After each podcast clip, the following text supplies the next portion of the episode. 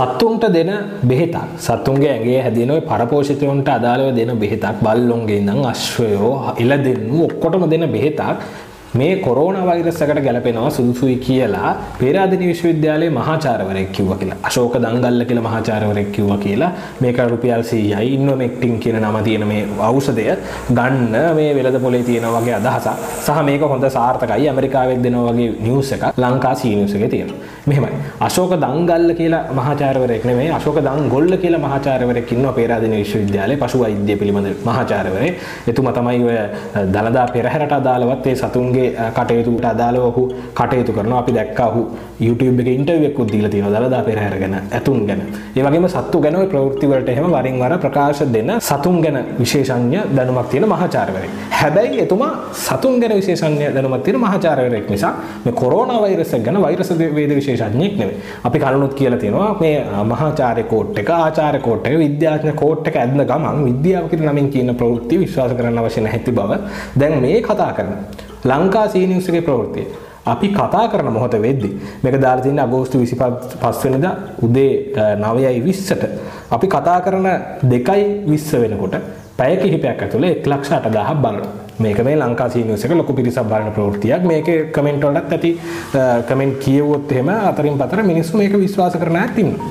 එතකොට මේ ඖෂධය පාවිච්චි මොකද ඇමරිකාවේ අයත් පාවිච්චි කරනවා වගේ මේ ප්‍රවෘත්ති තියෙනවා. අපි දන්නේ අපි පරීක්ෂා කරන් try කරා මේ මේ මහාචාර්යවරයාට කතා කරලා මේ මහාචාර්යවරයාගේ අහලාද මේක දැන් මේ හරියට මේ කමෙන්ට් එක හරියද ඒ වගේ කතා අපි චෙක් කරන්න හැදුවා. නමුත් විශ්වවිද්‍යාලයේ මේ නම්බර්ස් මේ මහාචාර්යවරයාගේ තියෙන නම්බර්ස් වැඩ කරන්නේ නැතුව අපිට සම්බන්ධ කරගෙන අහන්න බැලුවා.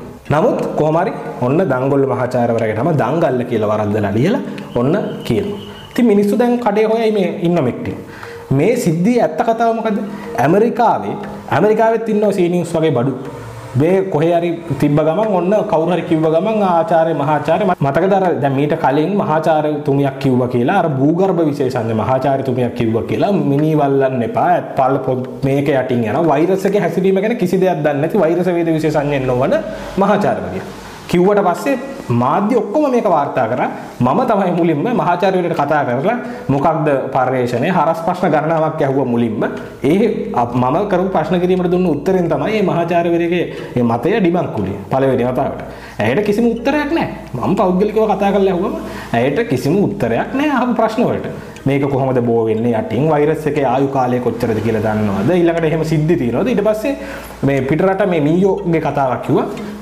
මේ වගේ මහාචාර්ය කිව්වම මොන විෂයද කියලා හිතන්නේ නැතුව මේ පශු වෛද්‍ය විශේෂඥ නමක් කෝට් කරමින් කියන කතාව. ඇත්තටම මොකද උනේ? ඇත්තටම අපි සම්පූර්ණයෙන් හොයලා බැලුවා පොඩ්ඩක් ඉන්වෙස්ටිගේට් කරලා බැලුවා ඇමරිකාවේ මොකද තත්ත්වය.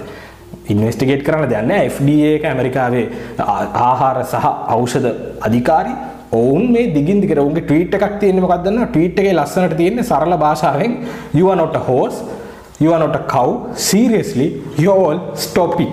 එකැන නිකම් සරල භාෂාවෙන් තොපි හරක් නෙමේ තොපි බල්ලො නෙමේ කරුණා කරලා මේක පාවිච්චි කරන්න. එපා උන්ගේ ලින්ක් එක දාලා තියෙනවා. ඇයි ඔබ මේ ඖෂධය පාවිච්චි නොකළ යුත්තේ?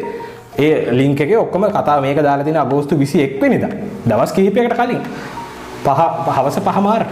මේක පදනම් කරගෙන ඇමරිකාවේ ප්‍රධාන USA Today, Washington Post, New York Times හැම මාධ්‍ය ආයතනයක්ම මේ ඇමරිකාවේ මෙහෙම ට්‍රෙන්ඩ් එකක් ඇවිල්ලා තියෙනවා මේ ඉන්නොමෙක්ටින් කියන මේ පශු වෛද්‍ය මේ සත්තුන්ට දෙන ඖෂධය පාවිච්චි කරමින් ඉන්නවා. ඇයි මේක ප්‍රොමෝට් කරන්නේ? මේක ප්‍රොමෝට් කරන බ්ලොග් කාරයෝයි අරුන් මුන් සෝෂල් මීඩියා වල මේ බොරු මතේ යවන අයත් ඔක්කොම දාන්නේ FDA approved.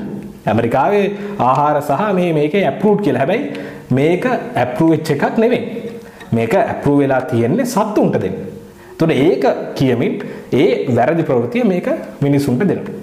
ඉතින් ඒ එහෙ මීඩියාවලත් වැඩ ඉතින් ඇමරිකාවේ තින්නෙම මේ අපේ රටේ ගොබ්බරාලලා වගේ මහා පිරිසක් ඉන්නවා. ඉතින් දුවගෙන ගිහිල්ලා ගන්නවා. ඉතින් ඉතින් හිතන්නකෝ ඉතින් එහෙම මේ මේකට අදාළ විද්‍යාඥයෝ අදාළ ආයතන වල නිලධාරීන් Taman කරමින් ඉන්න වැඩ ඔක්කොම නවත්තලා ඉතින් මේ පිස්තුන්ගේ කතාවලට උත්තර බඳින්න වෙනවා. ඉතින් මේ ගැන ලියලා දෙනවා. දැන් ලංකාවෙත් ඔච්චර තමයි. කී දෙනෙක් මේක විශ්වාස කරයිද? විශ්වාස කරන ගොඩක් උදවියට මේ අපි වගේ කියන කතා. මේකට ප්‍රතිවිරුද්ධ කතා දකින්න හම්බෙන්නේ නැහැ. අර මෙත්තිකා විතානකේ කියන මහාචාර්යවරිය වල දාන්න එපා. යටින් බෝ වෙන වගේ කතාවක් කිව්වම අපි ඒක හරස් ප්‍රශ්න ඇහුවම ඒ ප්‍රශ්න වලට උත්තර නැති වුණේ ඒවා. ඒවා අපි අනිද්දා පත්තරේ ලිව්වා. ඒක මත පදනම් වෙලා තව ගොඩක් අය ලිව්වා මේ ගැන මෙහෙම ඇහුවම මහා ආචාර්යවරු මෙහෙම උත්තර දීලා තියෙනවා කියලා. මේකක්වත් අරව විශ්වාස කරගෙන මේ මිත්‍යා මතය පතුරවන කාටවත් යන්නේ නැහැ. ලංකාවේ නෙමෙයි ලෝකෙම දැන් ප්‍රවෘත්ති හැදිලා තියෙන්නේ Taman කැමති දේ විතරක් අහන්න පුළුවන්. ඊට ප්‍රතිවිරුද්ධ මතේ අහන්නවත් ලැබෙන්නේ මේ ඇල්ගොරිතම්ස් හැදිලා තියෙන විදිහට පැත්ත පළාතේ ඒ වගේ ප්‍රවෘත්ති එන්නේ ඒ වගේ අප්සෙට් ලෝකයක් තියෙන්නේ. ඉතින් මේ වගේ මත මතයක් වුණත් එහෙම. දැන් ඉතින් කට්ටිය දුවගෙන ගිහලා ඕවා ගන්න. ඉතින් කාටද වගකීම තියෙන්නේ? C News කියන්නේ ලංකාවේ විශාලම පිරිසක් කියවන වෙබ් අඩවියක්. අපි දන්නවා විමල් වීරවංශ මහතාට සැලකිය යුතු සම්බන්ධයක් තියෙනවා. ඔහුගේ මීඩියා කැම්පේන් වල ඔහුට පක්ෂපාතී උදවිය මේකේ පිටිපස්සේ ඉන්නේ. ඉතින් අමු බොරු මේ වගේ බොරු කීයක් පතුරවනවද මේගොල්ලෝ? ඔහේ විද්‍යාත්මක වාර්තා කිය කියා දාන්න. දැන් ඒකෙම අනිත් එක තමයි චමුදිත. දේශ වැදිකරෙක්ව ඉන්ටරව් කරලා තියෙනවා. එතුමා තමයි යම් කිසි මේවා හදලා නිෂ්පාදන හදලා ලියාපදිංචි වෙච්ච ඒ යම් තමන්ගේ ඖෂධ නිෂ්පාදන අලෙවි කරන ප්‍රකට වෛද්‍යවරයෙක්. ආචාර්ය පදවියකුත් තියෙනවා කියලා කියනවා. නමුත් පොඩි අවුට් එකක් තියෙනවා එතුමා කියන දේවල් වල. එතුමා තමන්ගේ ප්‍රකාශයකදී මීට කලින් කොරෝනා නෙමෙයි ඕන වෛරස් වර්ග 100කට ඔරොත්තු දෙන බෙහෙතක් මගේ ළඟ තියෙනවා කියලා කිව්වා. ඊට පස්සේ ඒ වීඩියෝ එක තියෙනවා. ඒ වීඩියෝ එකේදී කියනවා මට ඔක්ස්ෆර්ඩ් විශ්වවිද්‍යාලයෙන් කතා කරා, අහවල් රටේ නායකයා මට කතා කරා, මෙහෙම මෙහෙම විශ්වවිද්‍යාල රෝමේ මට කතා කරලා තියෙනවා. මං යන්න නැතුව ලංකාවේ ඉන්නවා. මේ වගේ ඒ කතාවෙම පොඩි අවුට් එකක් තියෙනවා. ඊළඟට එතුමා කියන විදිහට එතුමා try කරලා තියෙනවා ශවේන්ද්‍ර සිල්ව හම්බෙලා සිසිර ජයකොඩි හම්බෙලා පවිත්‍රාවන්‍ය ආරච්චි කාලේ ඇමතිනේ හම්බෙලා නිලධාරීන් හම්බෙලා මේක මේක රජයේ බෑකප් එක ගන්න තමන්ගේ මේක විකුණ ගන්න. නමුත් ඒක නොලැබිච්ච තැන ආණ්ඩුවටත් බැනගෙන අන්තිමට ජනාධිපතිතුමාවත් මේක බලන්න කියාගෙන කතා කරලා තිබුණේ දේශීය වෛද්‍යවරු. දැන් ඒ වෛද්‍යවරයා පැමිණිල්ලක් දාලා තිනවා. ඒ පැමිණිල්ල ගැන තමයි ඔන්න චමුදිත දෙනවා. ලොකු ඉඩක් දෙනවා. එතකොට අහන්න ඕනි ප්‍රශ්න හරස් ප්‍රශ්න අහන්නේ. එතකොට මේ වගේ මතවාද පතුරවන මාධ්‍ය වලට ලොකු වගකීමක් තියෙනවා. මොකද අන්තිමේදී මේ FDA එක සහ මේ ඔක්කොම මේ කියන මේ සත්තුන්ට දෙන බෙහෙත ගැන ගත්තම ප්‍රධාන දෙයක් කියන්නේ මේක අනවශ්‍ය විදිහට ගත්තොත් එහෙම ශරීරයට වෙන අහිතකර ප්‍රශ්න එන්න පුළුවන්. දැන් ලෝක සෞඛ්‍ය සංවිධානයේ මේ ගැන තියෙනවා. වුන් කියනවා මේකේ යම්කිසි බලපෑමක් තියෙනවා කියලා මත පළ වෙන නිසා මේක වෛරස් එකට කොරෝනා වලට බලපෑමක් තියෙනවා කියලා මතයක් පළ වෙන නිසා සායනික පරීක්ෂාවලට විතරක් අනුමැතිය දෙන්න කියලා ඒගොල්ලෝ නිර්දේශයක් දීලා තියෙනවා. සායනික පරීක්ෂාවලට විතරක්. එතකොට එහෙම පරීක්ෂා කරන්න කිව්ව එකක් පදනම් කරගෙන ඔය ඕක පදනම් කරගෙන තමයි ගොඩක් අය මේක මාකට් කළේ. ඉතින් හරිම බාල සහ ඉතාම භයානක විදිහේ ඔය ඔය අපි නිශ්චිත තනි උදාහරණයක් ගත්තේ ඔය මාධ්‍ය ආයතනවල ස්වභාවය කතා කරන්නේ.